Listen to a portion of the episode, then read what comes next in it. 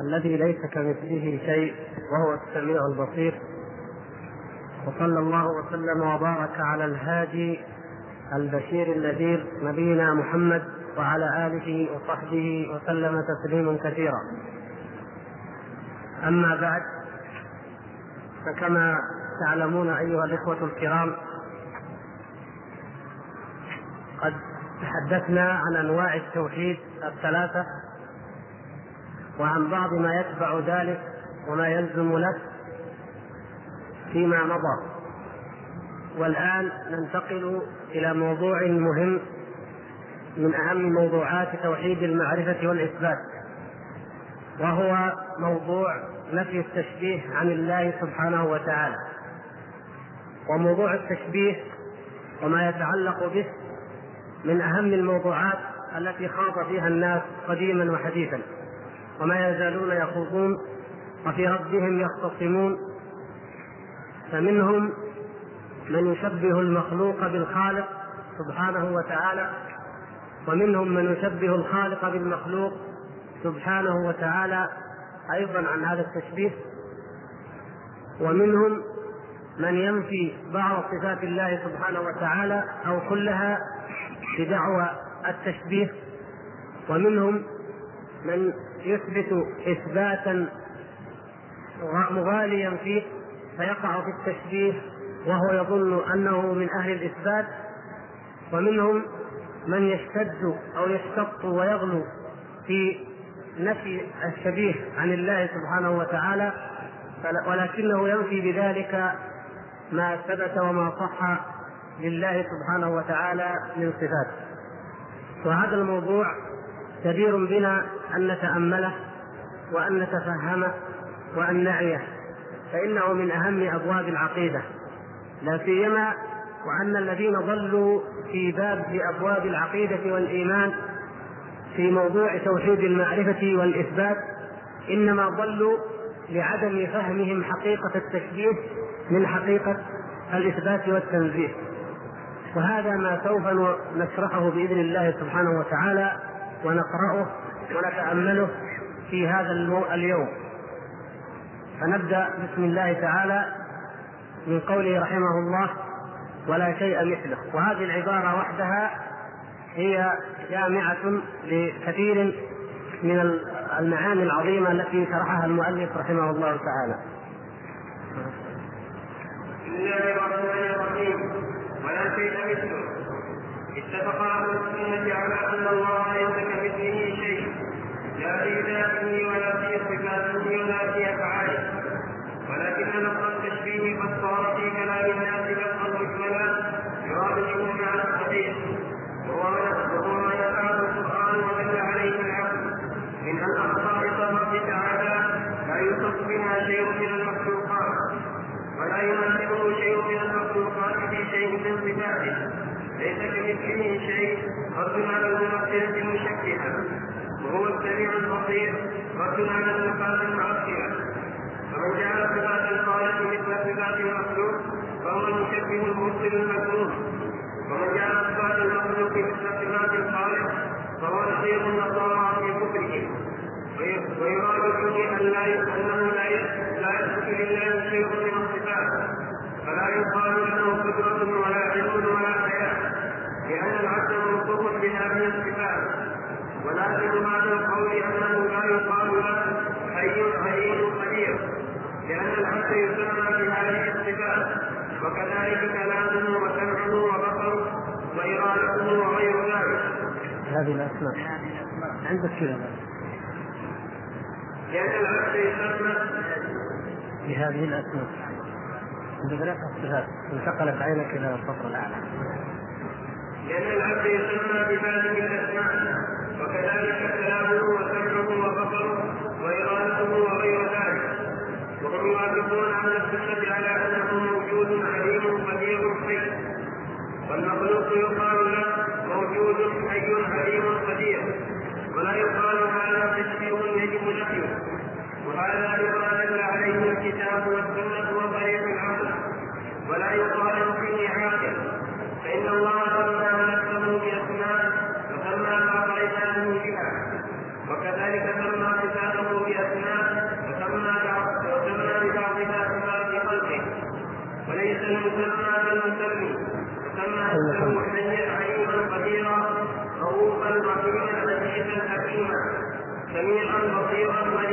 سمي متكبرا ليس المسمى كالمسمى. نكتب النقطتين اللي تحت؟ يعني ليس الخالق مثل المخلوق وإن سمينا هذا بشيء مثل ما سمينا به ذلك. وليس المسمى كالمسمى فسمى نفسه حيا عليما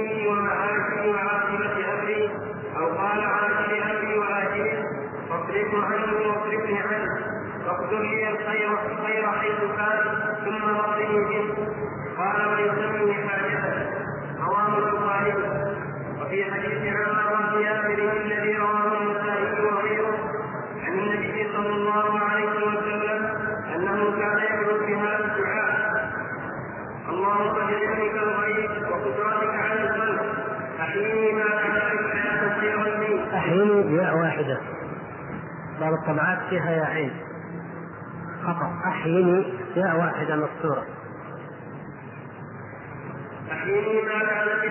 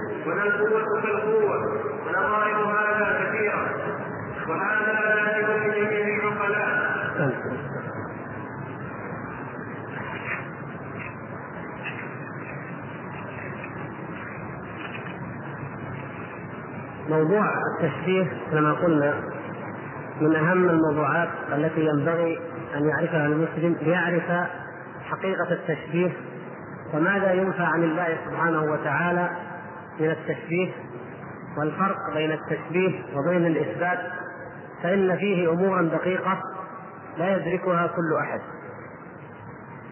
ومن الأمور التي ينبغي معرفتها في مبادئ أو أوليات في موضوع التشبيه أن يعلم أن أكثر الخلق في أي شيء وقعوا ما أن يعلم في أي شيء وقع أكثر الناس.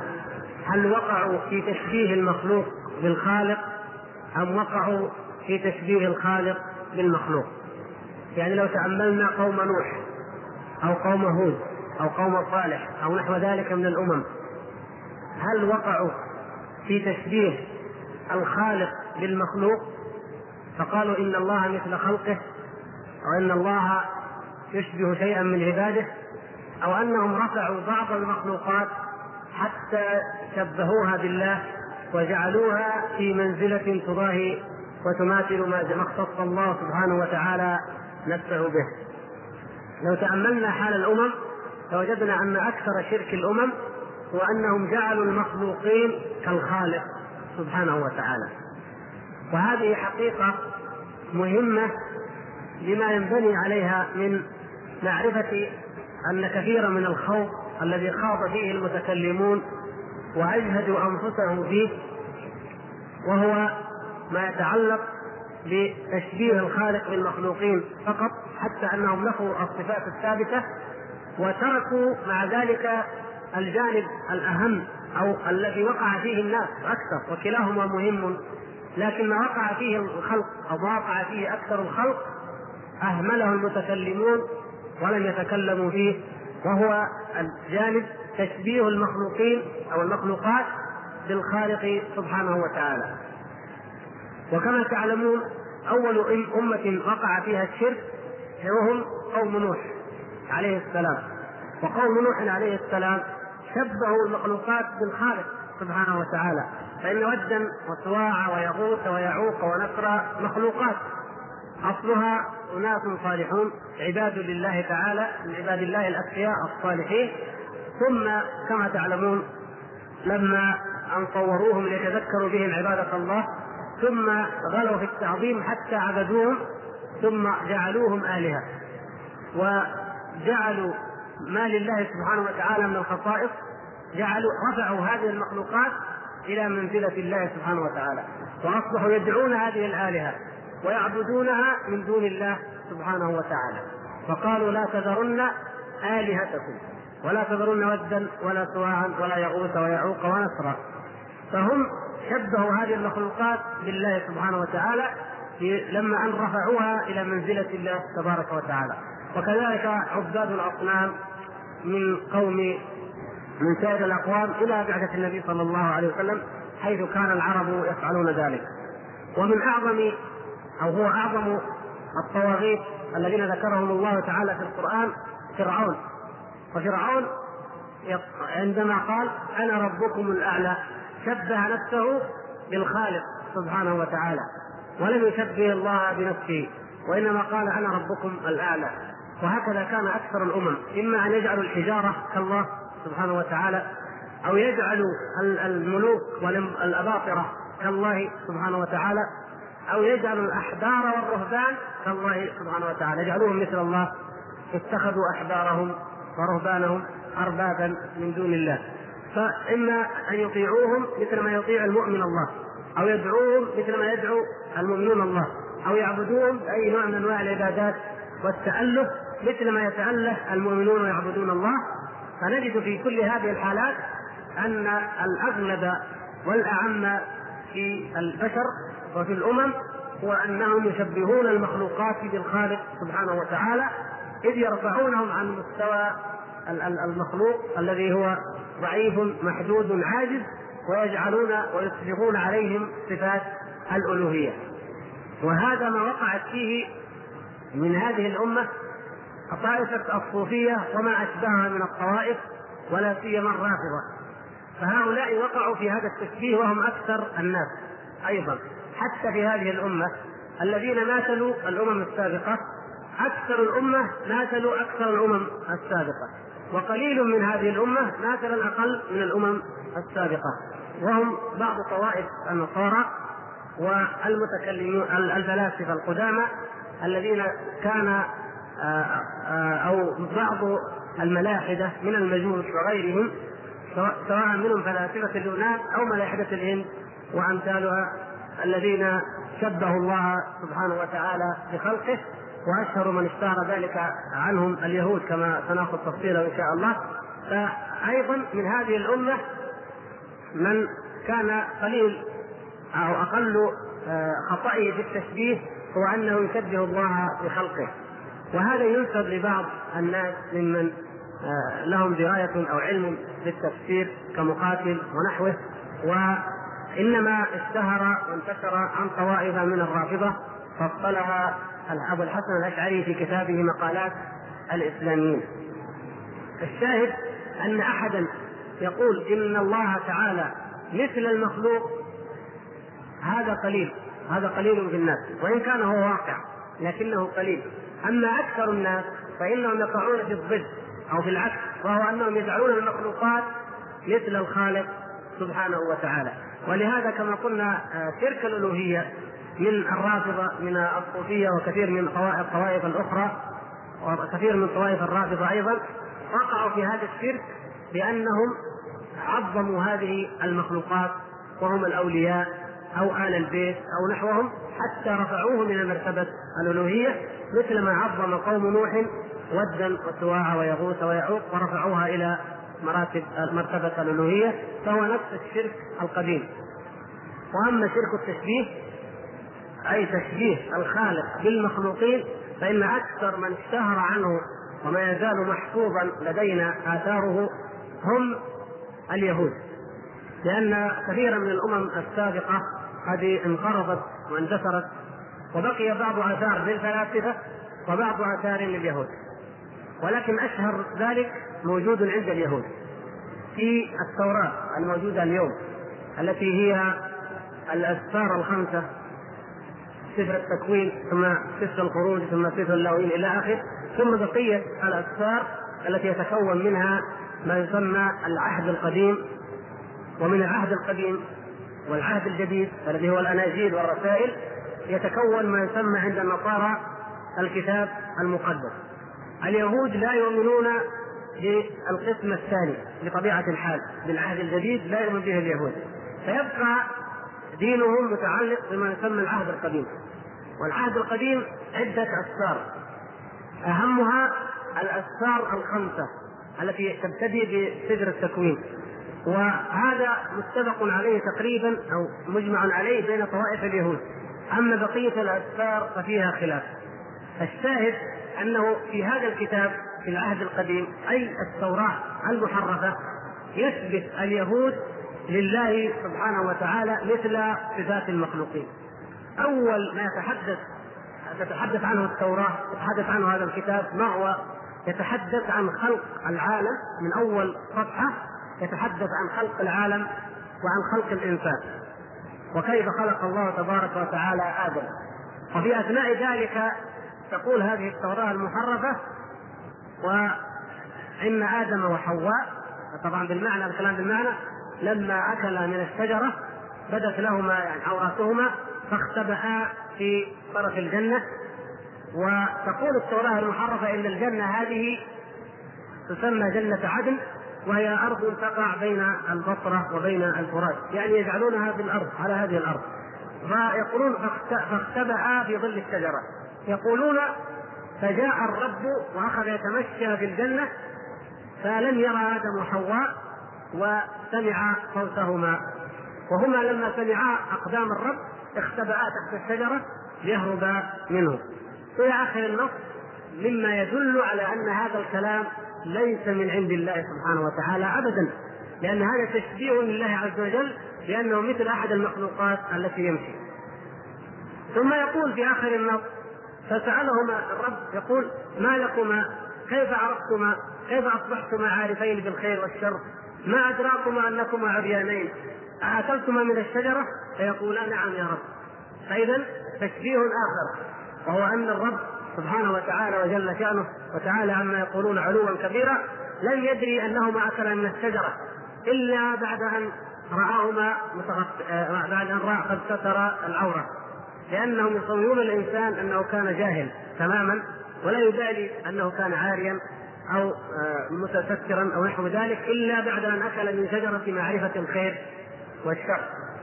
تسميها التوراة المحرفة شجرة معرفة الخير والشر. التي إذا أكل منها الإنسان صار يعرف الخير والشر. وهذا كله باطل كما تعلمون.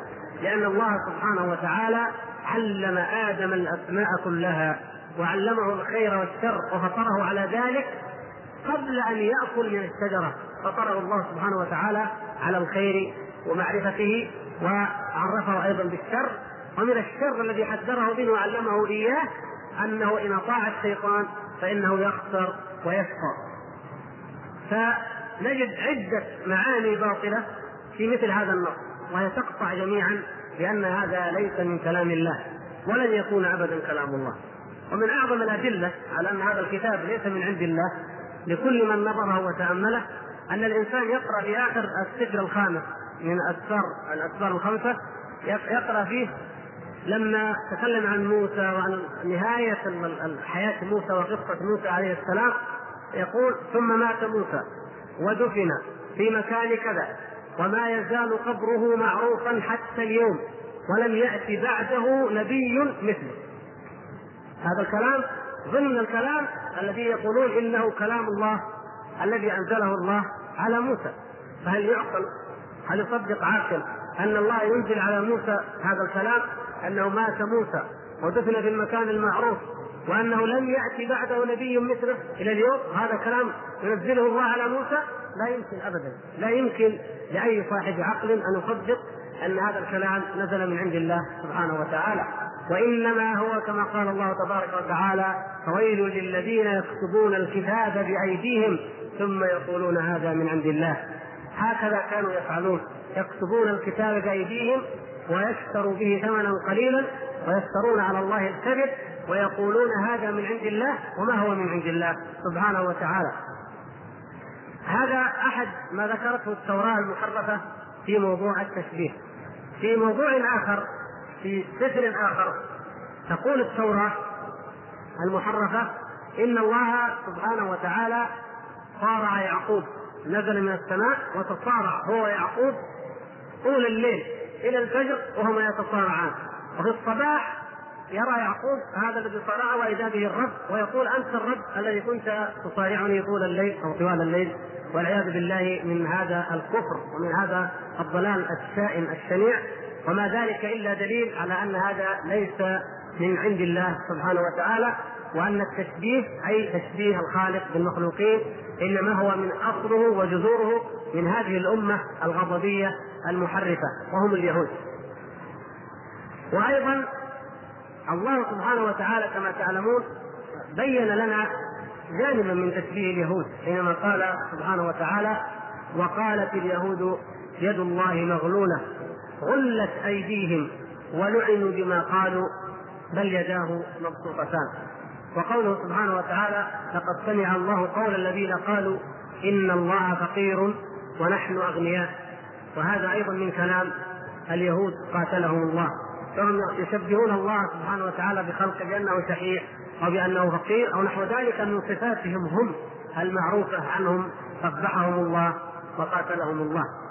ومما أيضا تذكره التوراة في هذا المجال أن موسى عليه السلام يقول للرب تعالى لما ان غضب على بني إسرائيل وعاقبهم انه يقول يا ربي ارجع عن حمو غضبك واندم على ما فعلت بشعبك قال فندم الرب على ما فعل بشعبه والعياذ بالله.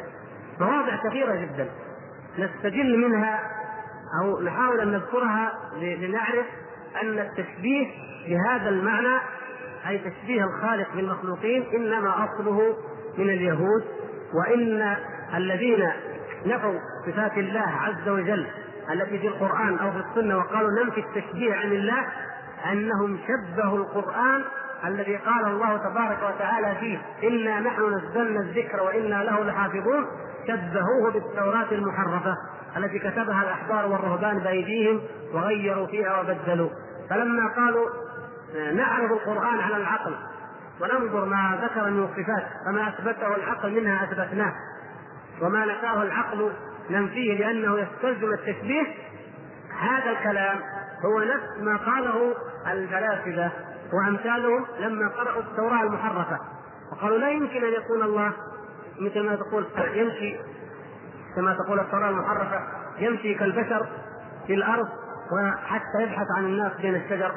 ولا يمكن أن يكون يجهل ولا يمكن أن يكون يصارع المخلوقين كأنهم من البشر.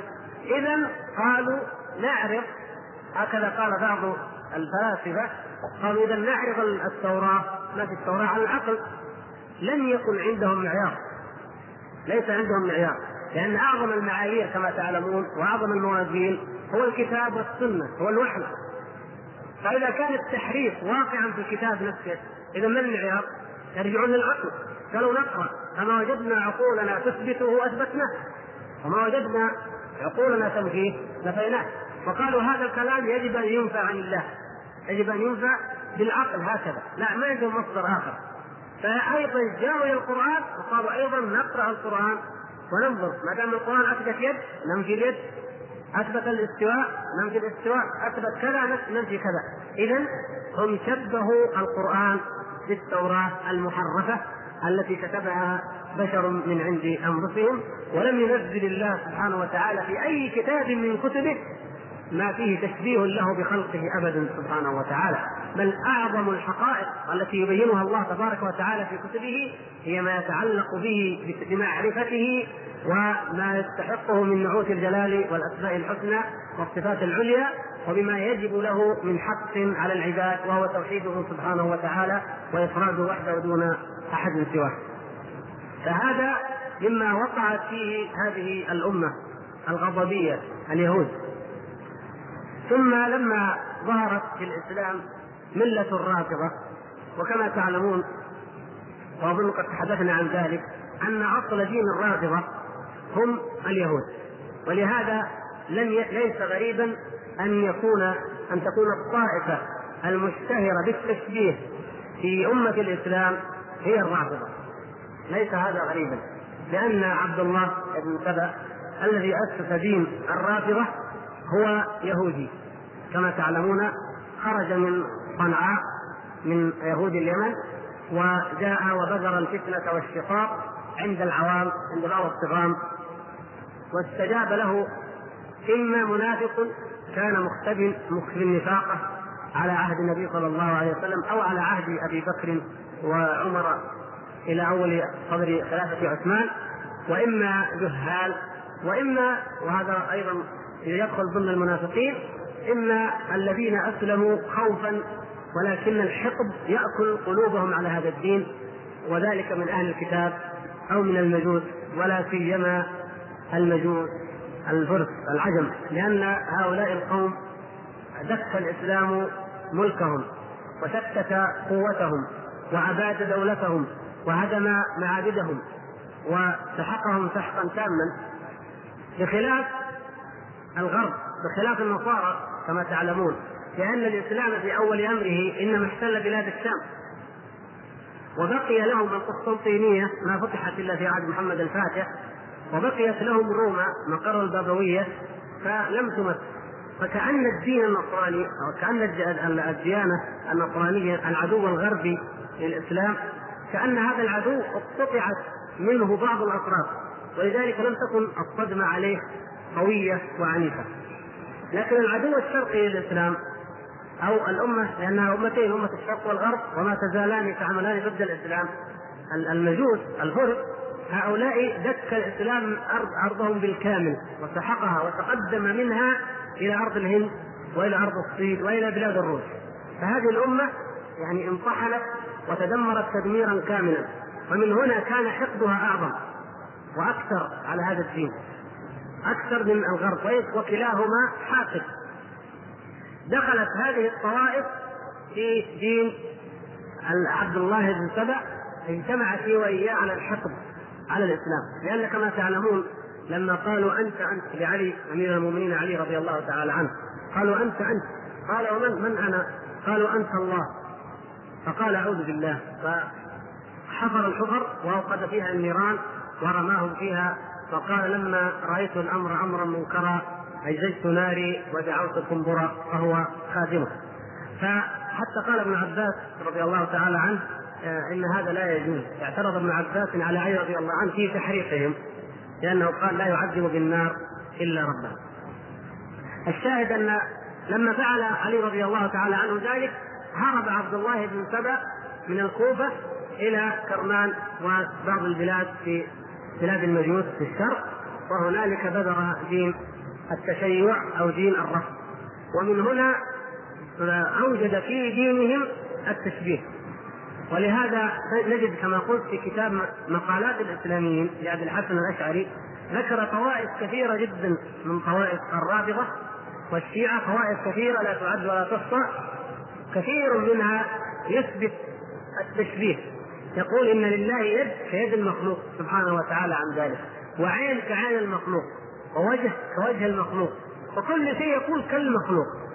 وهذا من أشد أنواع الكفر أجارنا الله تعالى وإياكم من ذلك وأعاذنا منه وهذا مما حاربه أهل السنة والجماعة. وقالوا وقالوا من شبه الله بخلقه فقد كفر. قال ذلك أئمة الإسلام أئمة أهل السنة والجماعة في عصرهم. قالوا لهم أنتم كفار لأنكم تشبهون الله بخلقه.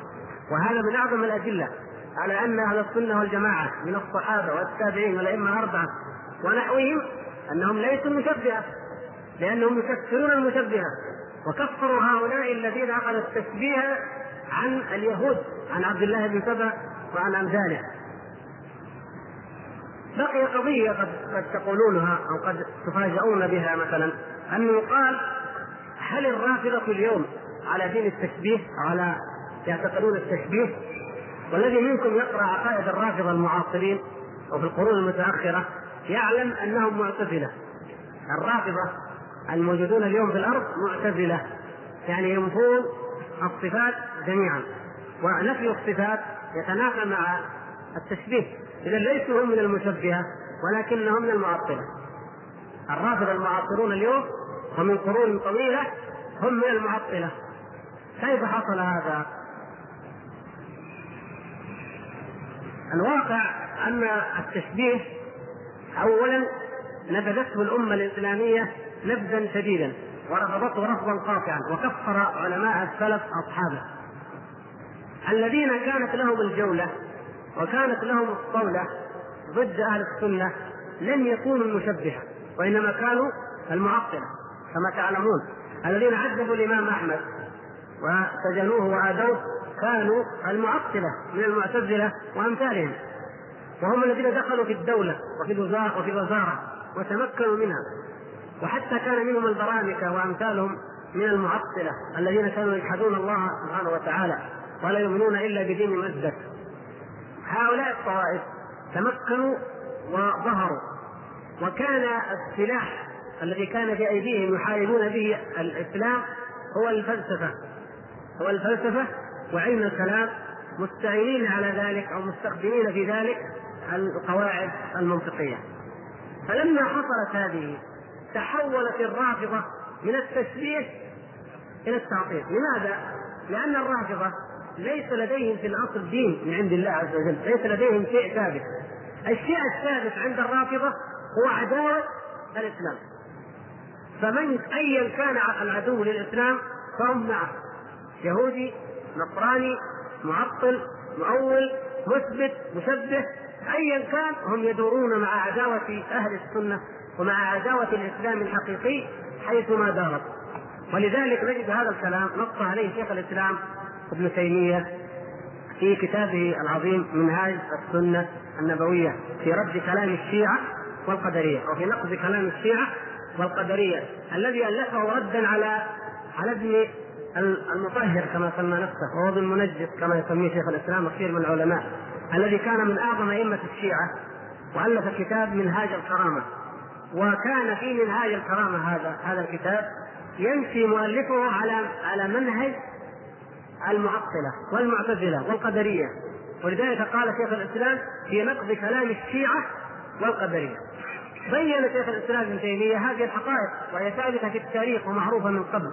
أن أصل دينكم التشبيه وأنتم أخذتم آه، التعطيل من المعتزلة. وأنتم أخذتم الفلسفة وأخذتم القدر وأخذتم مثل هذه الأمور من غيركم. لماذا؟ لأن الجامع المشترك أو الأساس هو معاداة أهل السنة والجماعة وهو محاربة هذا الدين والتحريف والابتداع في هذا الدين. هذا هو الأساس وهذا هو المهم عندهم. وكذلك أيضا نجد أن هناك تلاحما عجيبا. المعتزلة أنفسهم المعتزلة الأولون. كيف كانت عقيدتهم وكيف آلت وهذه قد تكون خارجة عن الموضوع لكن نستفيد إن شاء الله ونحرص على الفائدة جميعا. كيف كان المعتزلة الأولون؟ وما وكيف دين المعتزلة اليوم؟ المعتزلة الأولون كانوا يفسقون أو يكفرون الطائفتين المختلفتين طائفة أهل العراق علي ومن معه رضي الله عنه وطائفة أهل الشام معاوية ومن معه رضي الله عنهم أجمعين. كان المعتزلة يكفرون أو يفسقون كلا الطائفتين. حتى قال عمرو بن عبيد لو شهد عندي علي ومعاوية وعائشة والزبير وعمرو يعني أصحاب الجمل وأصحاب قسيم لو شهد عندي أي واحد من هؤلاء على درهم لرددت شهادته لأنه فاسق ويستوثق فرد شهادته والعياذ بالله. فكان هذا هو ما يقوله عمرو بن عبيد وهو من قدماء المعتزلة هو واصل بن عطاء كما تعلمون. لأن واصل بن عطاء خرج عن حلقة الحسن البصري على رأس المئة فهم من المتقدمين. طيب المعتزلة فيما بعد؟ ماذا دين ما كيف صاروا؟ صاروا شيعة في العقيدة في مجال الصحابة. أصبح المعتزلة شيعة. وأصبحت كتب المعتزلة الموجودين اليوم يعني الم... لو قلنا الآن أين المعتزلة اليوم؟ ما في معتزلة اسمهم المعتزلة اليوم، هم الشيعة إما زيدية وإما اثنا عشريه إلى آخره. هؤلاء هم المعتزلة ويقرؤون ويقررون كتب المعتزلة نفسها. والرافضة كما قلنا انتقلوا من التشبيه إلى الاعتزال. طيب لماذا تحول أيضا المعتزلة؟ عرفنا لماذا تحول الرافضة إلى التعطيل. طيب لماذا تحول المعتزلة إلى التشيع؟ نفس القضية. لأن المعتزلة اصل دينهم مرض في القلب شبهات في القلب أمراض قلبية نفاق عدم إيمان بالنص كما ينبغي. وكثير ممن دخلوا في في علم الكلام وخاضوا في الفلسفة كانوا من هذا النوع من نوع الحقد أيضا على الإسلام ومرض القلب. فأي طائفة خير لهم أن ينغمسوا فيها ويدخلوا فيها. طائفة الشيعة لأنها طائفة عاطفة بلا عقل. والشيعة أو المعتزلة لديهم عقل جدل علم كلام بلا عاطفة بلا روحانيات التقت عاطفة بلا عقل؟ يعني عقل ليس العقل الصحيح السليم طبعا إنما عقليات وجدليات التقت عاطفة؟ مع كلام وجدليات مع والتقى جدليات وكلام بلا عاطفة التقى الاثنان وأصبحا خطا واحدا وأصبحا يكونان منهجا واحدا. فالمعتزلة هم شيعة والشيعة هم معتزلة. بينما لو قارنا كلام الشيعة المتأخرين لوجدناه يخالف كلام الشيعة الأولين في موضوع التشبيه لأن الأولين مشبهة والآخرين معطلة. ولو إلى المعتزلة الأولين لوجدناهم يكفرون أو يفسقون علي بن أبي طالب وهم أقرب إلى رأي الخوارج بينما الشيعة المتأخرون نجد آه، المعتزلة المتأخرين نجد أنهم متشيعين آه، يثبتون الإمامة والخلافة لعلي أمير المؤمنين وحده ويبطلون من عداه. ومن ذلك أيضا بعض العوامل التاريخية مثل خروج آه، زيد بن علي زيد بن علي زين العابدين هذا كان من أئمة أهل السنة بخلاف ما تدعيه الزيدية فيه. ولكن الرجل كان يطمح في الخلافة والثورة على بني أمية. يعني كانت ثورة سياسية وليس لها اعتقاد خاص يتميز به. فأتباعه من الشيعة جاءوا إليه وقالوا له تتبرأ من أبي بكر وعمر لننضم إليك. وكانوا من أتباعه وهم كثير. ننضم إليك ونثور معك. قال لا كيف أتبرأ منهما وهما وزيرا جدي؟ الذي يتبرأ من أبي بكر وعمر أو يطعن في أبي بكر وعمر هذا يطعن في من؟ يطعن في رسول الله صلى الله عليه وسلم. وهذا أمر معلوم. لو أعلم أن لك إنسان أنت وإياه أصحاب وأصدقاء في وقت الرخاء وفي وقت الشدة سنوات طويلة وهو معك وأقول هذا فيه وهذا منافق وهذا يرتكب الفواحش وهذا يفعل وهذا يفعل ولا أترك مسبة إلا وضعتها فيه لكان هذا بطبيعة الحال طعنا وقدحا فيك هذا أمر يعرفه جميع العقلاء. فقال زيد بن علي زين العابدين ابن الحسين قال كيف أتبرأ منهما؟ وهما وزيرا جدي لا يمكن هذا. قالوا إذا نرفضك ونرفض ما تدعون إليه. قال هو رفضتموني أيها الرافضة أو رفضتموني فأنتم رافضة. فقيل إن أصل تسميتهم الرافضة هو من ذلك اليوم. وإن شاء الله يأتي لهم موضوع آخر. ونتحدث عن أسباب نشأتهم وعن أسباب تسميتهم. فعلي آه، زيد بن علي هذا قال لا نحن لا نتبرأ من إمامة أبي بكر وعمر رضي الله عنهم. مع اعتقادنا أو هكذا قالت الزيدية من بعده مع الاعتقاد بأن الإمام الحق والأولى بالإمامة هو علي. كيف تقولون ذلك؟ قالوا نقول أنه يجوز إمامة المفضول مع وجود الفاضل. فإمامة أبي بكر صحيحة وإمامة عمر صحيحة مع وجود الفاضل أو الأفضل وهو علي فإمامة الكل صحيحة لكن الأفضل هو علي. هكذا قالت الزيدية وخالفت الزيدية بذلك الرافضة الغلاة أو الشيعة الغلاة الذين يكفرون الشيخين أو يتبرؤون منهما على الأقل. لأنه كما سبق معنا أن الشيعة منهم المفضلة وهم الزيدية هؤلاء ومنهم السدادة الذين يسبون ويشتمون الشيخين ومنهم وهم أخبثهم الغلاة المكفرة الذين يكفرون الشيخين أو الصاحبين. إذا عرفنا ما قاله المؤلف آه، أو الشارح رحمه الله تعالى هنا لكن نعود من أول الكلام فنقول إن أهل السنة اتفقوا على أنه تعالى ليس كمثله شيء. وهذا الكلام وسط أهل السنة فيه وسط بين المعطلة وبين المشبهة. هم أي أهل السنة والجماعة هم الذين عرفوا حقيقة الإثبات وعرفوا حقيقة التنزيه لأنهم اتبعوا ما جاء في الدليل ما جاء في الكتاب وفي السنة. من أعرف الناس؟ من أعرف؟ أعرف شيء؟ أعرف شيء بما بما يثبت لله؟ الله سبحانه وتعالى. فنثبت له ما أثبت سبحانه وتعالى لنفسه. ومن أعرف الناس بما نثبت لله سبحانه وتعالى الرسول صلى الله عليه وسلم. فنثبت له ما أثبته لنفسه ما أثبته لربه. وكذلك في المقابل ما نفاه الله عن نفسه أو ما نفاه رسوله عنه فإننا أيضا ننفيه. هذا هو منهج أهل السنة والجماعة. فهم ينفون التشبيه. إذا قيل لك أهل السنة والجماعة ما موقفهم من التشبيه؟ ينفون التشبيه. ما الدليل على ذلك؟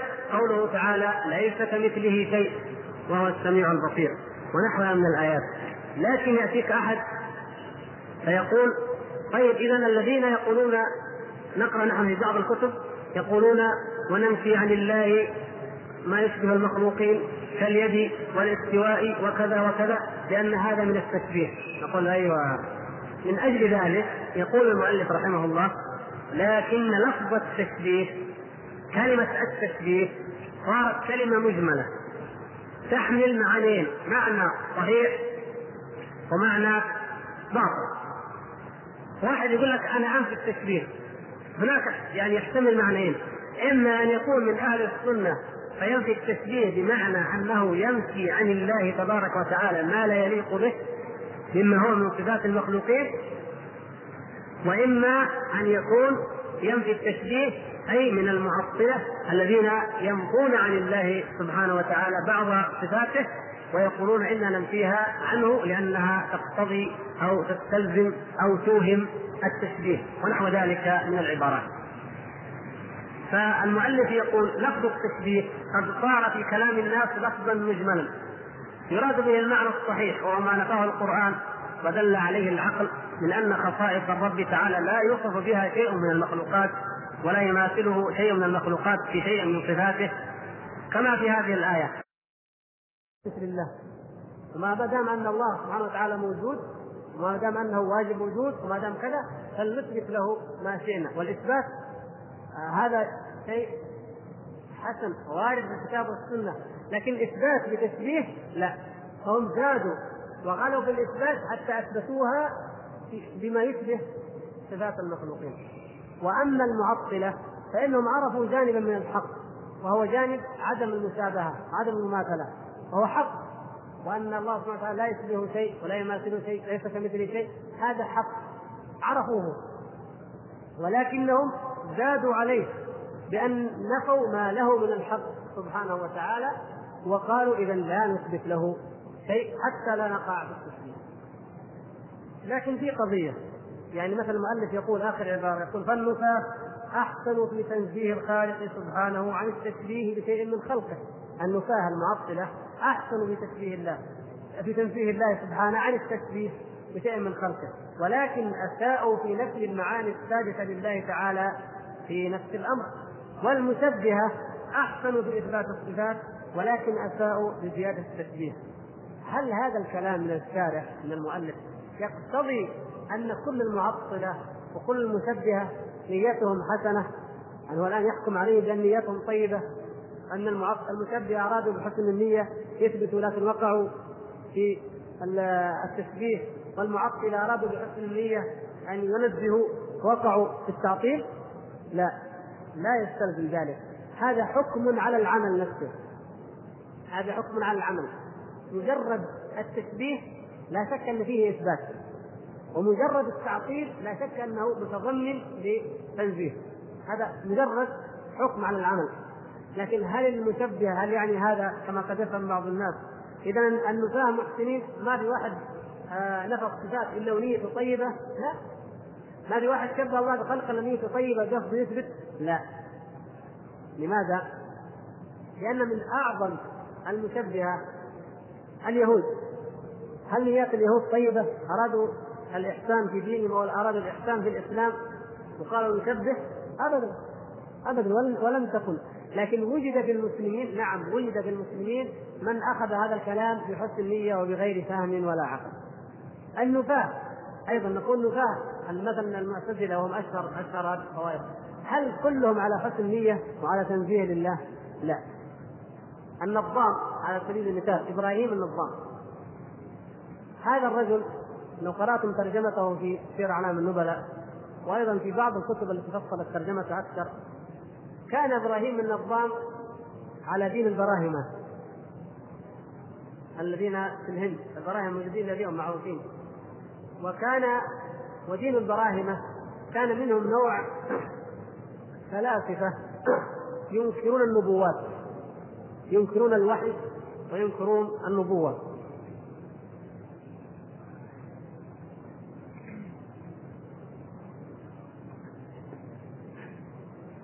إبراهيم النظام دخل في دين الإسلام وعنده هذه العقيدة. ولذلك قال عنه بعض العلماء واقع حاله ينطق بذلك أنه دخل في الإسلام ليفسد دين الإسلام. وأفسده بطريق المبالغة في العقل لأن البراهمة أو طائفة منهم يقولون إن العقول تغني عن الشرائع فجاء إبراهيم النظام ودخل في المعتزلة وصار من رؤسائهم وقال لا وقال إن العقل هو المعيار في إثبات أي شيء لله وفي نفي أي شيء ويكتفى به عن النقل. أو هما قرينان بعض الفلاسفة بعض هؤلاء يقول مثل ما قال ابن رشد مثلا فصل المقال كتابه فصل المقال فيما بين الشريعة والحكمة من الاختصار. يقولون الشريعة ما تنافي الحكمة. الحقيقة هذه عند الصوفية لكن أو العقل العقل أو الحكمة ما تنافى مع الشريعة. طبعا لو صرحوا لو قالوا الشريعة تنافي الحكمة كفرهم العوام ونبذوهم حتى العوام. حتى الجهال لو قال واحد إنه آه هذا الشريعة تنافي الفلسفه قالوا اذا نحن مع الشريعة ولسنا مع الفلسفه شيء طبيعي عند أي مسلم. لكن قالوا لا الشريعة لا تتنافى مع الفلسفه أي الحكمة يسمونها الحكمة هم ويسمون الفلاسفة الحكماء. اذا قرينا في كتب علم الكلام قال الحكماء الحكماء هم الفلاسفه ارسطو وأمثاله. يقولون أعظم شريعة جاءت على ظهر الأرض وعرفها العالم شريعة محمد صلى الله عليه وسلم. وجميل لو قرينا هذا الكلام نقول هذول طيبين يمدحون الإسلام. لا هؤلاء يقصدون شيء آخر. يقولون إننا لما عرضنا الشرائع القديمة على العقل عرضنا اليهودية وعرضنا النصرانية على العقل أي على الحكمة التي هي الميزان وجدنا فيها الخلل والاضطراب والتناقض. مثل ما بدأنا أول الحديث لما واحد يقرأ التوراة أي واحد أي إنسان عنده عقل يبدأ يقرأ التوراة ويشوف. طبعا التوراة مثل ما قلت إنه التوراة اليهود يؤمنوا بالعهد القديم. طيب النصارى النصارى يؤمنوا بالعهد القديم والعهد الجديد. اذا الذي يبدأ يقرأ في سفر التكوين ممكن يكون يهودي أو نصراني نفس الشيء. لأن الاثنين يؤمنوا بهذا السفر سفر التكوين هو يعني أول الاسفار اسفار التوراة التي حملها الله سبحانه وتعالى اليهود والنصارى ثم لم يحمل اليهود ثم لم يحملوها فكانوا كالحمار يحمل اسفارا إذا نقول لو أي عاقل بدأ يقرأ من سفر التكوين. يشوف اليهود ويشوف النصارى اللي هم أكثر أمم العالم كما على الأقل كما يزعمون. أكثر دين انتشار في العالم بالعدد يقولون هم النصارى. بالطوائف المعروفة. طيب يقرأ أي إنسان عنده عقل يبدأ يقرأ. أول ما يقع عليه سفر التكوين وأول ما يقرأ في سفر التكوين يقرأ هذا الكلام الذي تحدثنا عنه في أول الدرس عن قضية خلق آدم وأنه جنة عدن عند البصرة وأن الرب يمشي في الجنة وبعدين ما يدري فين راح آدم وحواء بعدين شافهم مختبئين بعدين طلعهم بعدين كذا بعدين. هذا الكلام لا لا لا يوافق العقل ابدا. حتى الفلاسفة الأولين لما قرأوا هذا الكلام قالوا هذه الشريعة باطلة شريعة ينقضها العقل. قالوا لما قرأنا القرآن وجدناه جاء بحكمة عجيبة وجدناه جاء بكلام عجيب. لما قرأوا كلام النبي صلى الله عليه وسلم حاولوا يطعنوا حاولوا يطعنوا وجدوا شيء عجيب. وبعدين قالوا لو لو نقول أن في القرآن تشبيه وهكذا بصراحة بدون أن الموارده هذا ينفر بنفس منا المسلمين لكن نقول لهم الشريعة والحكمة هما حق كلاهما حق وكلاهما يدل على شيء واحد. فايش الفرق؟ قالوا الفرق أن الشرائع جاءت للعوام. الشرائع جاءت للعوام. العوام ما يفهموا إلا أنه تقول لهم يد وغضب ورضا ورحمة وخوف ويعني رجاء وكذا عشان علشان يعني يفهموا. لكن العقلاء الحكماء أصحاب العقول يعني الفلاسفه ومن كانوا هؤلاء جاءت لهم الحكمة. يعني شريعة الله وحي رب العالمين الذي أنزل به جبريل نزل للضعفاء للبسطاء ولكن ولكن هم عندهم ما هو أعظم مما أنزل الله والعياذ بالله. هذا كلام بكلامهم أعظم مما أنزل الله في الكتب وأعظم مما بعث به جبريل وأعظم مما أرسل به محمد صلى الله عليه وسلم. وهو من؟ كلام ارسطو وافلاطون وفرفريون وفلان إلى ابن سينا والكندي والفارابي وغيرهم. يقولون هذا للطبقه العليا المثقفة. هذا يشبه يشبه ما سبق معنا لما قلنا انه الصوفية يقولوا حقيقة وشريعة. يقولوا أيضا ما في تعارض بين الحقيقة وبين الشريعة لكن الحقيقة للخاصه ولخاصه الخاصة. أما الشريعة فهي لمن؟ للعامه خليه يصلي. خليه يصلي يصوم يتعبد هذا عامي ما يعرف الله هذا إلا من هذا الطريق. لكن اللي عرف الذي من خاصة حتى الناس يصلوا هو قاعد الله الله الله. هذا لأنه مرتبط مباشرة بالملأ الأعلى وبذات الله حتى يتحد به. فلا تعيب على هذا ولا على هذا لأنه هذا عامي ماشي مع الشريعة. وهذا خاص من أهل الخاصه من أهل الولاية ولي ماشي مع مع الحقيقة. فلا تنافي بينهما. يقول هذا لأن عبارة الشارح هنا قد توهم. بعض الناس يقول أنتم مثلا تهاجمون المعطلة تهاجمون المشبهة. والمؤلف يقول فيها أحسن والمشبهة أحسن. نقول العمل في ذاته فيه حق وتبعه كثير من الباطل. لكن لا يستلزم ذلك القول بأن هؤلاء الناس جميعا جاءوا وأرادوا الحق أو أرادوا الإحسان. بل الذين كانوا في عهد النبي صلى الله عليه وسلم المنافقون لما أقسموا بالله إنهم ما يريدون إلا الإحسان وإلا التوفيق لم يقبل الله سبحانه وتعالى منهم ذلك ورده عليهم وأمر رسوله صلى الله عليه وسلم أن يعرض عنهم والا يصدقهم بهذا القول. فكثير من الناس يدعي الإحسان ويدعي التوفيق إما الإحسان بين التوفيق بين العقليات وبين النقليات وإما الإحسان وإما الإصلاح بين الشريعه والحكمة مثلا أو بين الحقيقة والشريعه كما يزعم هؤلاء. آه نقول هذا ونقف عند هذا الموضع ففيه غنية وكفاية حتى نكمل إن شاء الله هذا الموضوع إلى قوله ولا شيء يعجزه في المرة القادمة بإذن الله سبحانه وتعالى نتيح الفرصة لمن أن يتوضأ من الإخوة ونجيب على بعض الأسئلة. نجاوب دحين ولا تبغوا توضأوا كلكم؟ طيب خلينا نجاوب بعد الصلاة ما يمنع. كم بقي؟ طيب بعد الصلاة. بعد الصلاة إن شاء الله.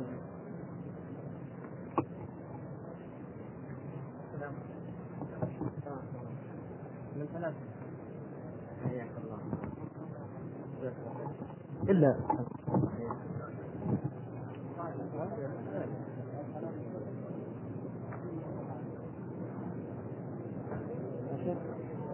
إلا واحد يحول فلوس تبع الطرفية دي.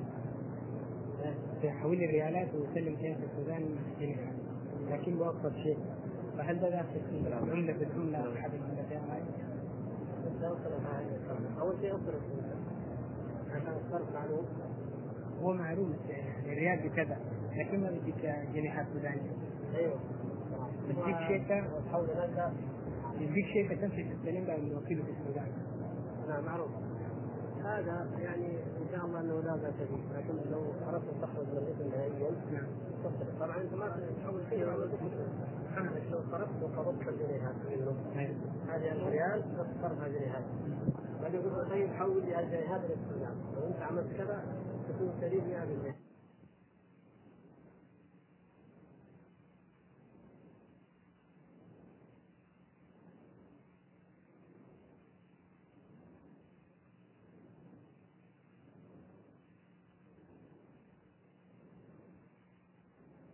لا.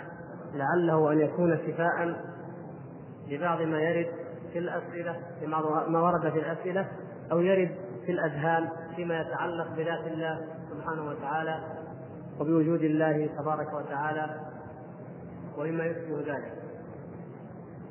فنقول أيها الإخوة المؤمنون إن الله سبحانه وتعالى في القرآن الكريم كثيرا ما يذكرنا ويأمرنا بالنظر والتفكر في مخلوقاته سبحانه وتعالى لنعرف بها عظمته تبارك وتعالى وعظمة صفاته سبحانه وتعالى.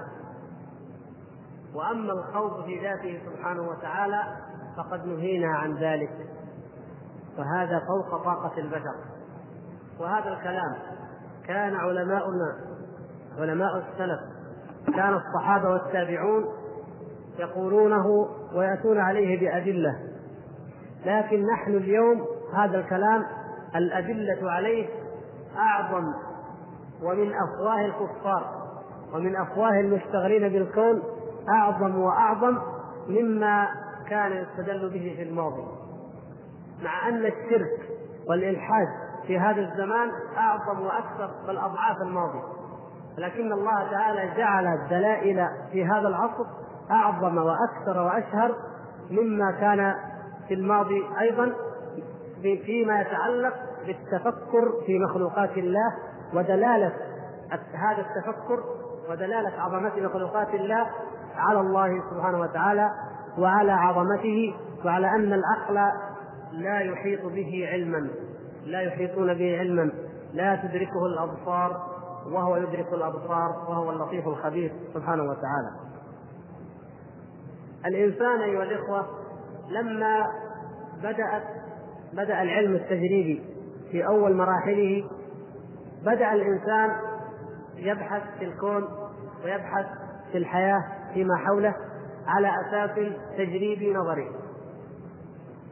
وأخذ هذا العمل بعدين أو جانبين وكل منهما وصل إلى العجب العجاب. ما هما؟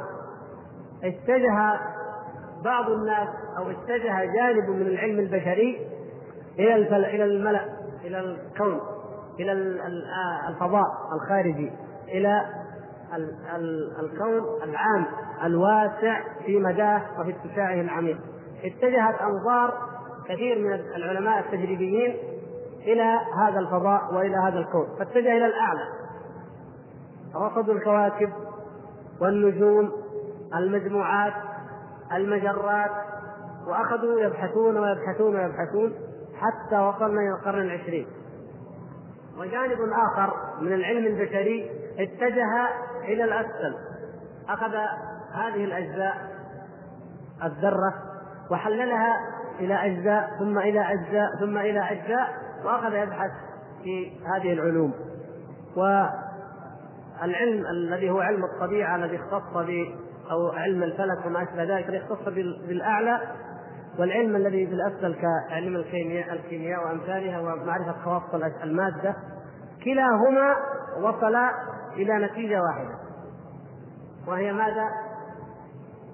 هي أننا نجهل الكون نتيجة الكدح ونتيجة العلم ونتيجة البحث الطويلة الشاقة أحدث النظريات الآن تقول إنه ليس هناك حقيقة. وإننا نجهل الكون. كيف نجهل الكون؟ قالوا الذي صعد إلى الأعلى ضاع. جاءوا بمراصد كبروا مراصد أكبر اكتشفوا اكتشفوا في الأخير لم يصلوا إلى حقيقة. وإنما بدأوا يفترضون نظريات عن حجم الكون وعن سعه الكون.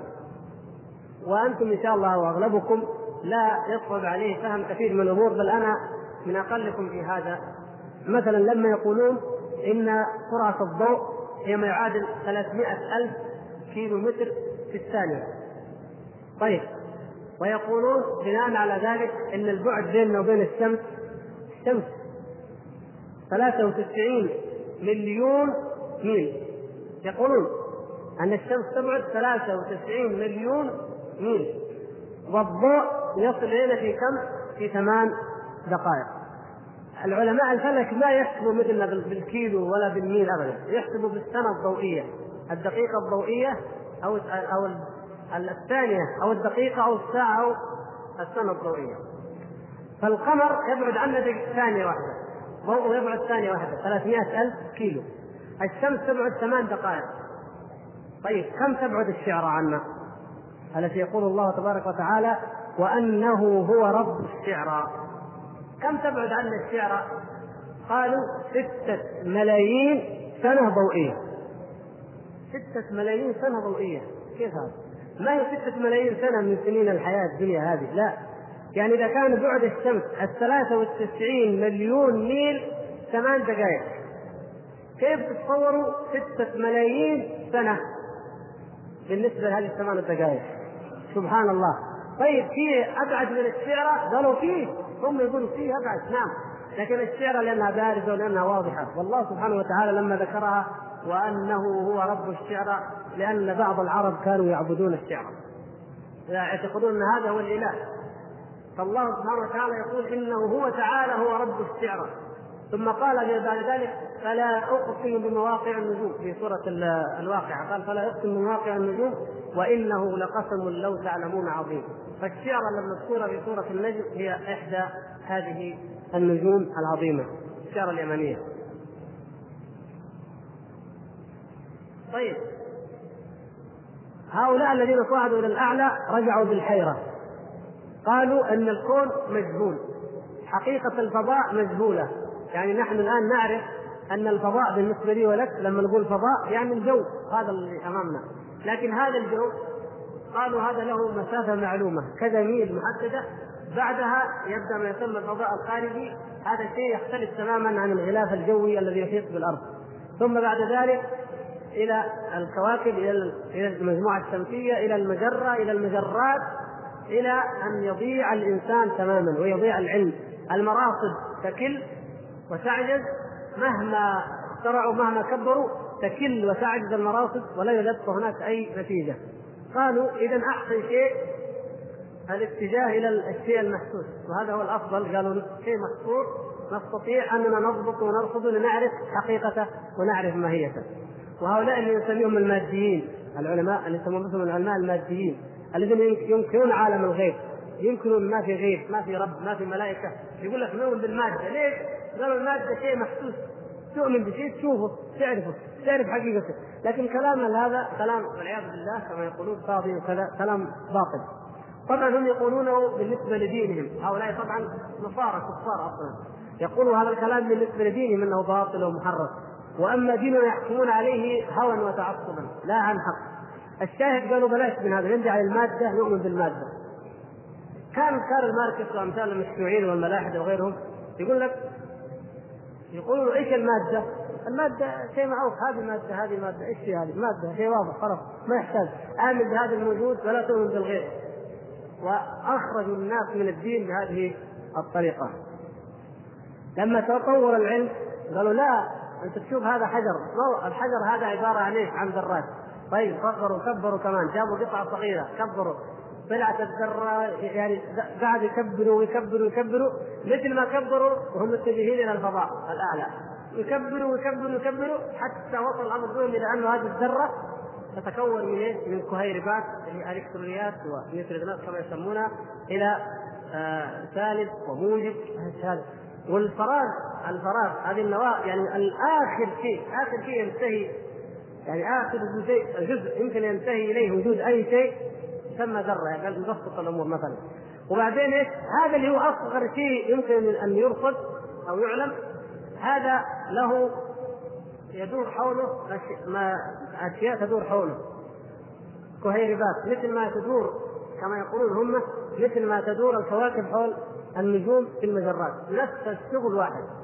هذا الشيء البسيط جدا اللي يتكون من أشياء بعضها يدور حول بعض إيش العجوبه؟ قالوا إنه لو إحنا استطعنا أن نعطل مدار أو مدارها مدار ال ال ال ال هذه المواد الجزيئات البسيطة اللي يتكون منها هذا الجزء الأصغر جدا لا اودى ذلك إلى انفجار وهذا الانفجار يسمى القنبلة الذرية. القنبلة الذرية هذه الكبرى قالوا نعم هذه القنبلة الذرية هي أصلا يعني تعطيل أو خلل في دورة هذه الأشياء التي لا ترى إلا بالمجاهد الدقيقة جدا جدا ومع ذلك نحن نرى هذا الأشياء هذا الشيء موجود هذا معروف حقيقة لا هذا أي شيء أمامي لو كبرته مئات المرات لوجدت فراغات هائلة جدا ويتكون من أشياء وبينها فراغات ثم ننتهي إلى أن نصل إلى هذه الذرات التي فيها هذه الثمانية التي تدور حول نواة في الوسط. اذا قالوا ما وصلنا إلى شيء. يعني لما كنا في القرن التاسع عشر نؤمن بالأشياء بحقائق الأشياء كانت لدينا قناعات أفضل من هذه.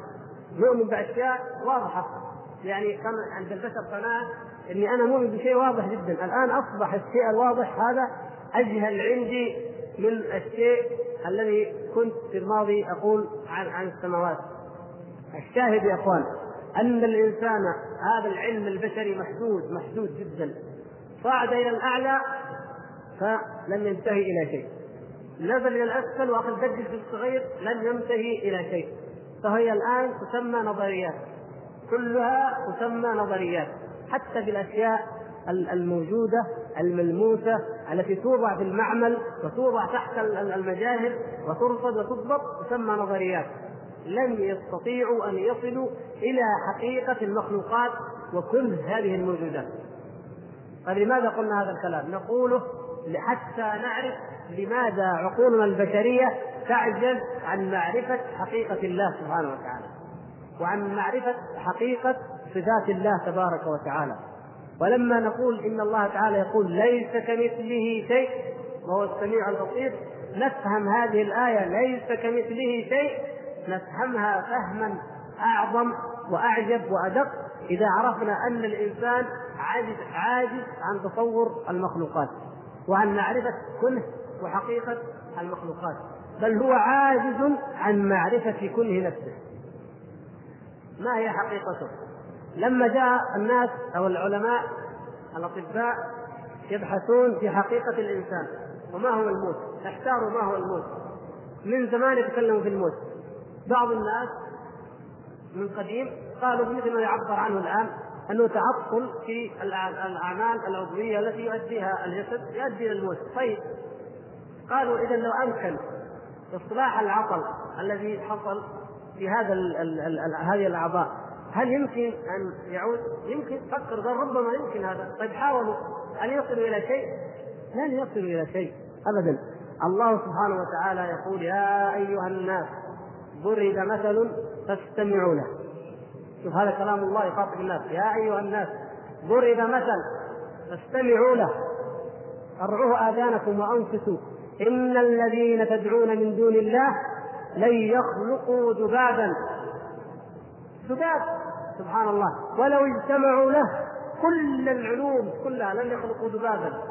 وإن يسلبهم الذباب شيء لا يستنقذوه منه. ضعف الطالب والمطلوب لو سلبهم الذباب شيئا لا يستطيعون أن يستنقذوه منه. سبحان الله. حتى مع مع القوة الذرية حتى مع عذراء القارات لا يستطيعون أن يستنقذوا شيء يسلبه الذباب نعم. هكذا قال الله. فكيف يحلمون أن يخلقوا الذباب فكيف يحلمون أنهم يخلقوا الإنسان أو يعيدوا الحياة إلى الإنسان؟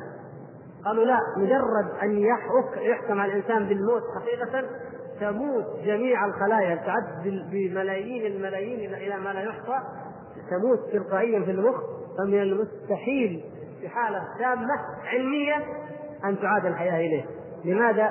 لأن الحياة بيد من؟ يد الحي القيوم سبحانه وتعالى هذا كلامهم هم هم يخوضون ويخوضون ويخوضون وفي النهاية يقولون لا شيء قال بعضهم ما قصة العلم البشري أو ما شأن العلم البشري مع البحث ومع الإبداع والاختراع إلا كمثل إنسان أتى إلى مكان ما فوجد فيه بابا فأخذ يحاول يحاول حتى يفتح الباب يعرف ماذا وراء الباب. فلما فتح الباب وإذا به في خلاء كبير وعليه سور عظيم. فنظر من جميع الجهات واذا سور محيط به وفيه باب. قال إذا أنا أفتح الباب لعلي أصل إلى النهاية. فكلما فتحنا بابا اكتشفنا أننا دخلنا إلى ميدان عظيم وسور أكبر من السور الأول وهكذا كل ما نفتح ابواب تتسع حتى في الأخير نعجز حتى نكل حتى لا نجد أننا نقول إننا لا نملك شيء بحيث لو أن أي عالم الآن من المشتغلين بالفلسفة سئل هل تثبت شيء؟ هل فعلا شيء ثابت تستطيع انك تثبته كحقيقة؟ يقول لك لو أنا أجيبك إجابة علمية حقيقية أقول لك لا شيء. لا شيء ابدا. ومن أعظم هؤلاء وإن كان قديم المسمى اليكتس كارل الذي ألف كتاب تعرفونه جميعا الإنسان ذلك المجهول سماها الإنسان ذلك المجهول يقول نحن نجهل كيف تعمل الخلايا ونجهل كيفية الأعصاب ونجهل كيفية التغيرات الفسيولوجيه يعني التغيرات الطبيعية التي التي هي تخضع معمليا يمكن رصدها اليا ومعمليا عضويا نجهلها. فكيف بأمر الروح؟ حقيقة الروح لا يتكلمون عنها لا يؤمنون بها. لكن قالوا نحن نجهل العمليات العضوية الجسدية الحسية نحن نجهل كثير منها. ولا نستطيع أن نعرف لماذا تصدر وكيف تصدر.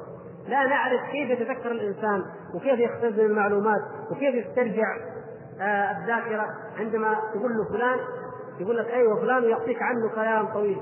فين أين اختزن المعلومة؟ وكيف لما سالته بسرعة أجابك؟ وكيف وكيف؟ أشياء رهيبة جدا. من خلال آه اختراعهم أو صنعتهم للعقل الإلكتروني عرفوا إنه ذاكرة وشيء يخزن وشيء كذا. بعض الناس يتعجب يقول هذا عقل إلكتروني كيف يحرك الطائرات ويراقب المركبات الفضائية. آه، التليفون اقرب مثال مثلا يعطيك الخط الفاضي على طول. يقول لك كيف هذا العقل؟ هم لما صنعوا هذا العقل ازدادوا حيرة وعجبا كيف يعمل عقل أضعف مخلوقات الله عز وجل. ليس العقل يعني ليس عقل الغبي أو الطفل، لا أي كائن حي له مخ لا يستطيعون أن يعرفوا كيف يعمل وكيف يستطيع أن يحتفظ بذاكرة أو بأشياء عاجزين تماما بمثل هذا الحجم وكيف تتم هذه العمليات العظيمة. إذا يا إخوان إذا كان هؤلاء فلاسفه القرن العشرين عصر التطور. العصر الذي حقا لم يبلغ فيه العلم البشري مثل ما بلغ في أي عصر من العصور على الإطلاق. فيما نعلم من التاريخ الموجود لدينا الآن. إذا كان هذا كلامهم معترفين بالجهل يجهلون أنفسهم ويجهلون الكون. فضلا عن جهل الروح فضلا عن جهل الملائكة جهل بالملائكة. فضلا عن جهلهم بحقيقة الله سبحانه وتعالى وذاته وصفاته. فإذا كان هذا كذلك فما ظنكم برب العالمين سبحانه وتعالى. من الذي يحيط علما بالله سبحانه وتعالى؟ ما ظنكم بالفلاسفة الأولين القدامى الذين لا يملكون مراصد ولم يعرفوا الذرة ولم يعرفوا هذه الأجهزة العظيمة ومع ذلك يخوضون بهذه الآراء العقيمة الثقيلة ويقولون الله كذا وصفته كذا وكذا ويثبتون ما شاءوا وينفون ما شاءوا ثم يرثها المنتسبون للإسلام.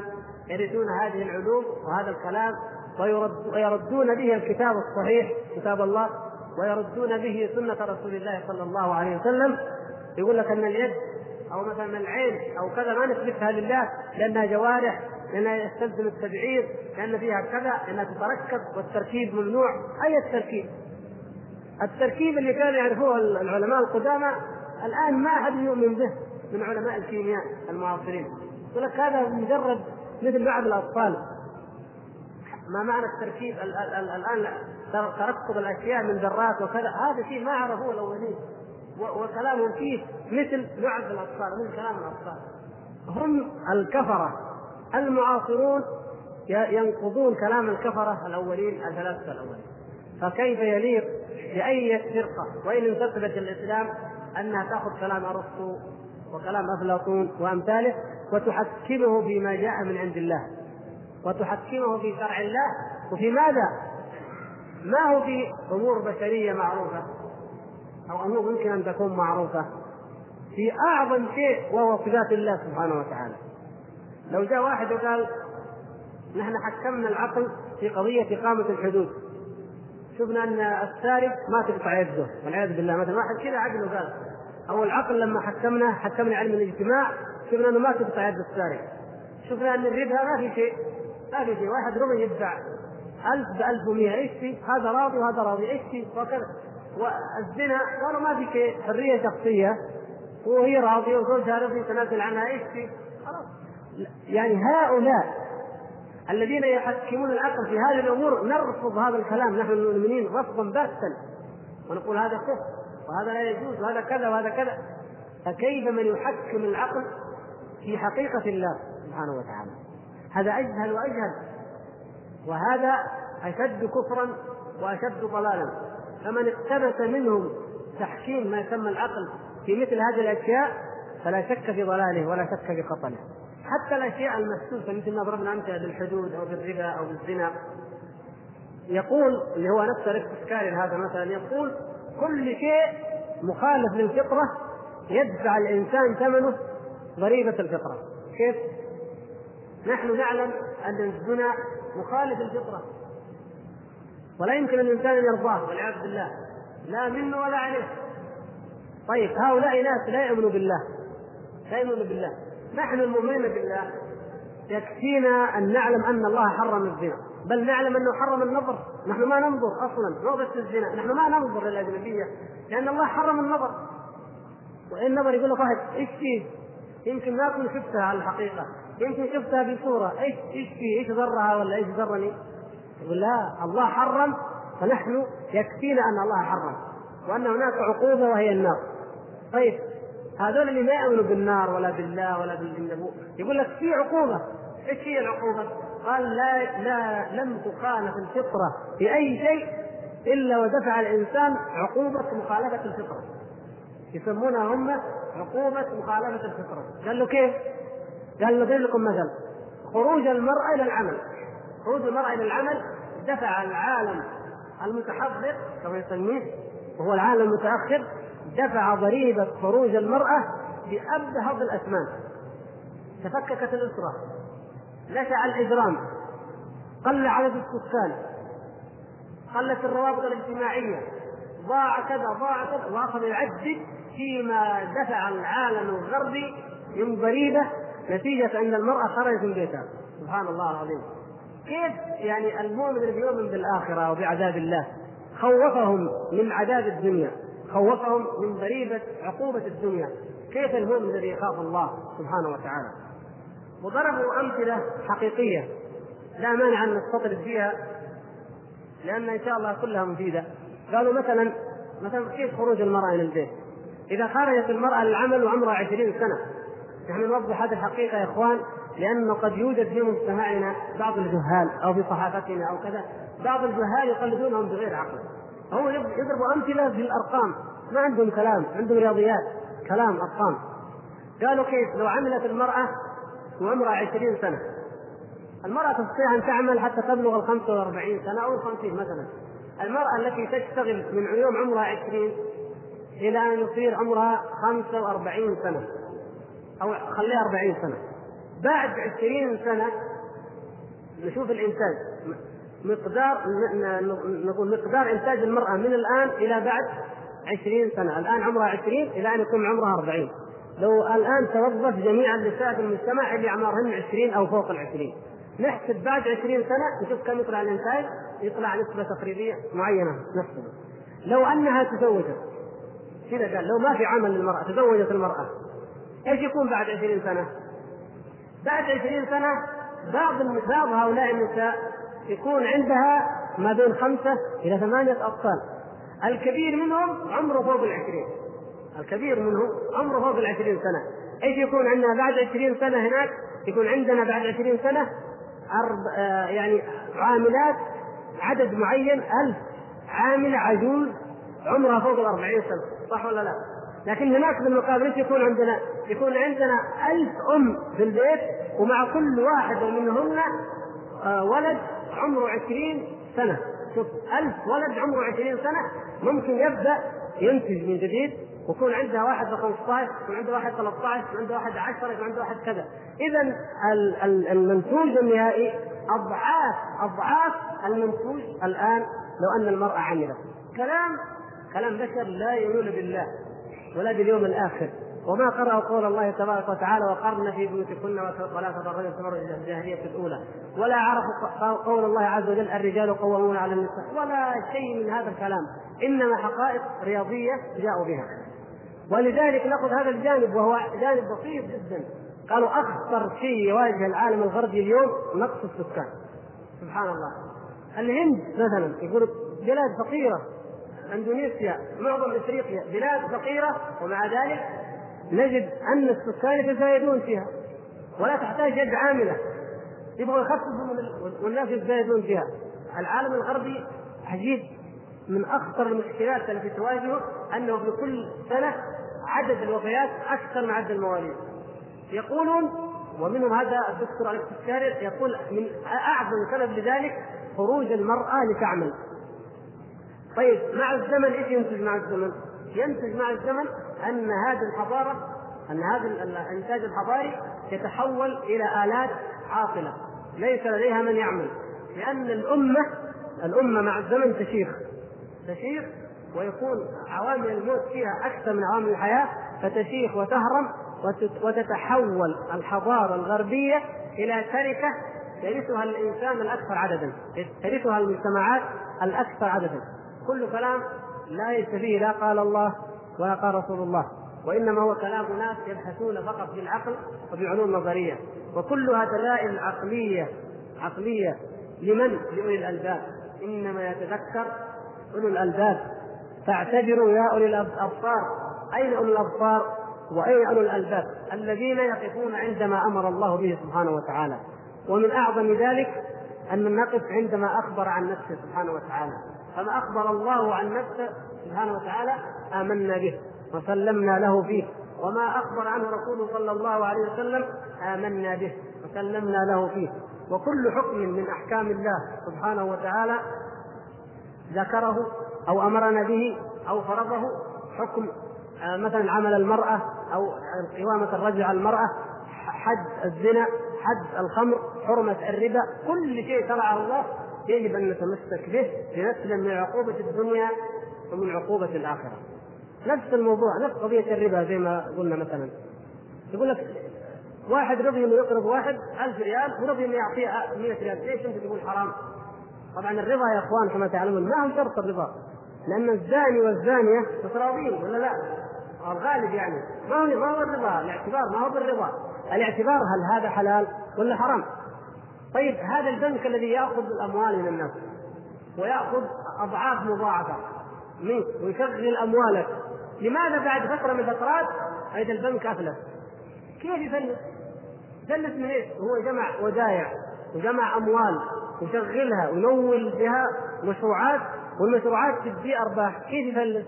الله عز وجل يقول يمحق الله الربا ويربي الصدقات حكم قاله الله عز وجل القوانين الرياضية تقول ما يمكن يفلس واحد يدفع الألف ويأخذ ربح 100 وبعدين ال 1100 تتركب منها كمان ربح مركب وجدول أو مدري إيش. لا لا لا. هذا قوانين الرياضة تقول كذا. لكن الله عز وجل يقول يمحق الله الربا. يمحق الله الربا. مهما تضخمت البنوك الربوية فهي مصيرها إلى الإفلاس وإلى المحق. وهذه بعض العقوبة. هذه عاجل العقوبة. يقول هذا كلام لما نظروا هم وبحثوا وإذا قالوا كل مخالفة للفطرة تقتضي من المجتمع من الأمة من العالم المتحضر تقتضي منه عقوبة تأخذ منه عقوبة.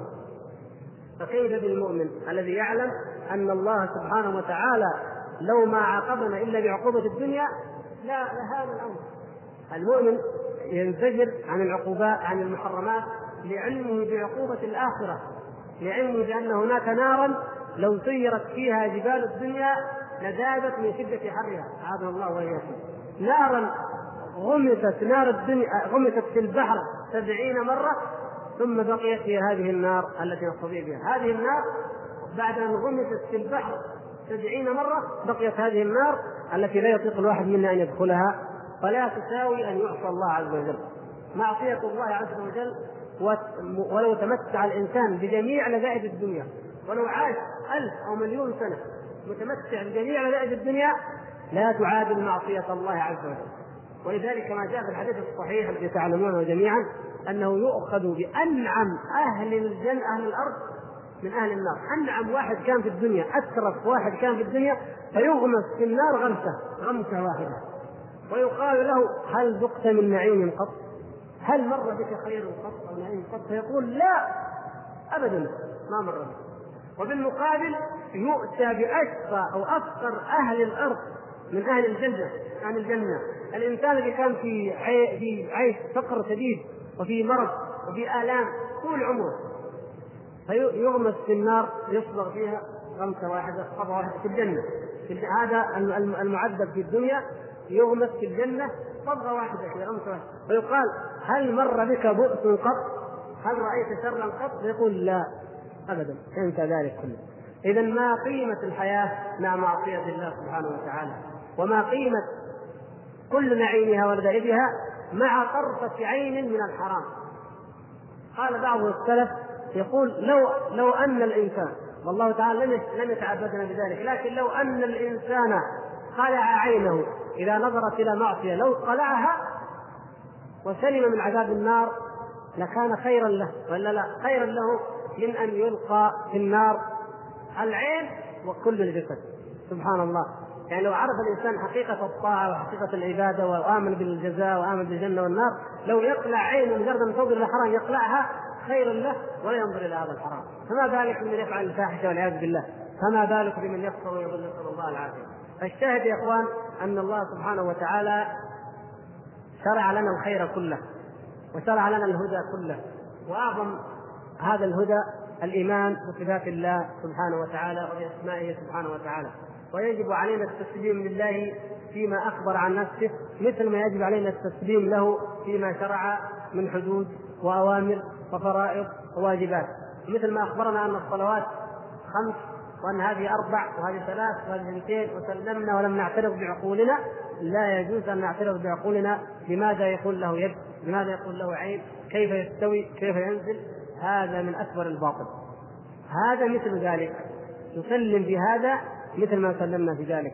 أقول هذا الكلام لأننا سنقدم إن شاء الله على بحث موضوعات سببها جميعا الغفلة عن مثل هذه الأمور وسببها جميعا أن البشر العقل البشري أو الناس المبتدعة الذين سألتموني الإخوة عن بعضهم أنهم خرجوا عن الحد الذي جعله الله تعالى للعقل وغلوا وخرجوا عن طورهم وحكموا عقولهم فيما أنزل الله وفيما شرع الله سبحانه وتعالى من الوحي.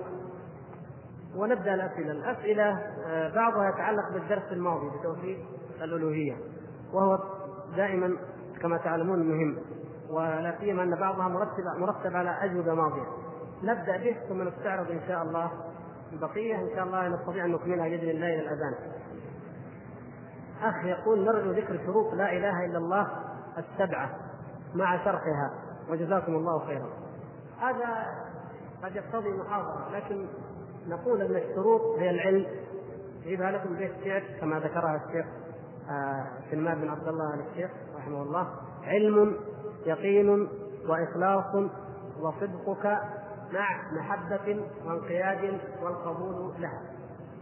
العلم بلا إله إلا الله فاعلم أنه لا إله إلا الله سبحانه وتعالى. وهذا مر معنا في مراتب الشهادة أن المرتبة الأولى مرتبة العلم واليقين ان من كان في قلبه شك فهو كافر والعياذ بالله. علم يقين وإخلاص الإخلاص وصدق الإخلاص والصدق. تعرفون كيف نعرف أهمية الإخلاص وأهمية الصدق؟